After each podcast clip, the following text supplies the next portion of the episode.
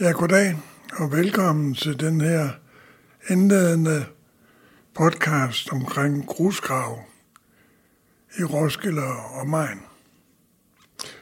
Jeg hedder Peter Ottesen, og øh, jeg er flyttet til Roskilde her for godt to og en halv år siden.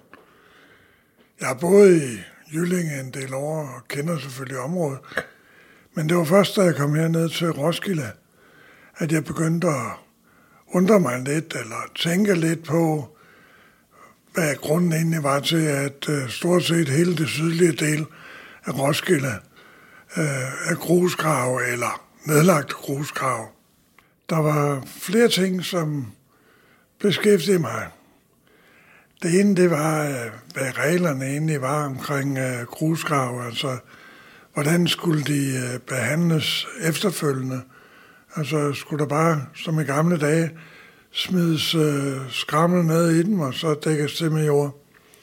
Det er nu altså ikke tilfældet mere, kan være roligt sige. Eller øh, skulle de udlægges til rekreative områder, eller skulle de gå tilbage til at være, være landbrugsjord igen, som en del af, hele del af det jo var, inden at det blev, blev lavet til grusgravene. Og hvad med grundvandet? Hvad, øh, hvad sker der med det? Bliver det forurenet? Får man lov til at grave længere ned end grundvandet? Og hvad sker der med de søer, som jo opstår? Hvad med alt det vand, som man hælder væk, mens man graver? Og hvem er det egentlig, der bestemmer, hvor og hvor meget man må grave? Og hvor lang tid man får lov til at grave? Hvad er der i lovgivning om øh, grusgravning? Og hvordan øh, er kravene til at, at bringe grusgravene tilbage til øh, landbrug, øh, landbrugsjord eller rekreativt område. Nu øh, er der jo flere typer af grusgrave rundt om Roskilde.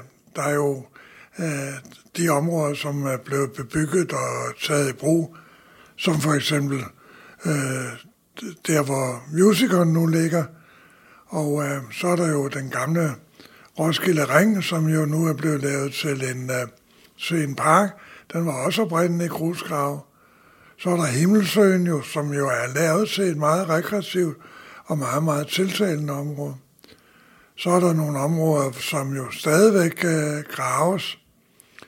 Og så er der øh, Himmelleveskoven, som jo er lavet til et kæmpemæssigt rekreativt område. Og så er der jo den største af dem alle sammen, og det er jo Hedeland, som godt nok ligger i, øh, i tre forskellige kommuner, Høje Tostrup og, og øh, Greve og øh, Roskilde Kommune. Men øh, det er jo stadigvæk et kæmpe område på 1000 hektar cirka, som er cirka 10 millioner øh, kvadratmeter. Det er ret fantastisk, men det kommer vi tilbage til. Men nu vil jeg så lige lade Niels præsentere sig selv. Mit navn er Niels Jørgen Rasmussen, og øh, jeg er gammel lærer her fra Roskilde og har interesseret mig meget for byen og dens udvikling. Herunder også grusgrav. Min far han øh, arbejdede i Hedhusene i grusgraven ved Rockwool, hvor øh, han øh, var bestyrer på, eller direktør for en, en betonfabrik. Og øh, han øh, fortalte, at det her, det var simpelthen Nordens, Nordeuropas største menneskeskabte hul.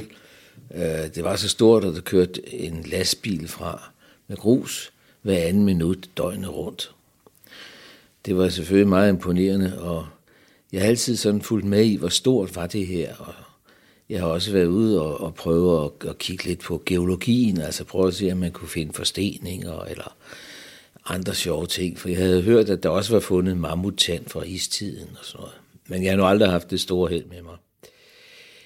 Men øh, jeg har også interesseret mig meget for at få noget ordentlig natur at se på.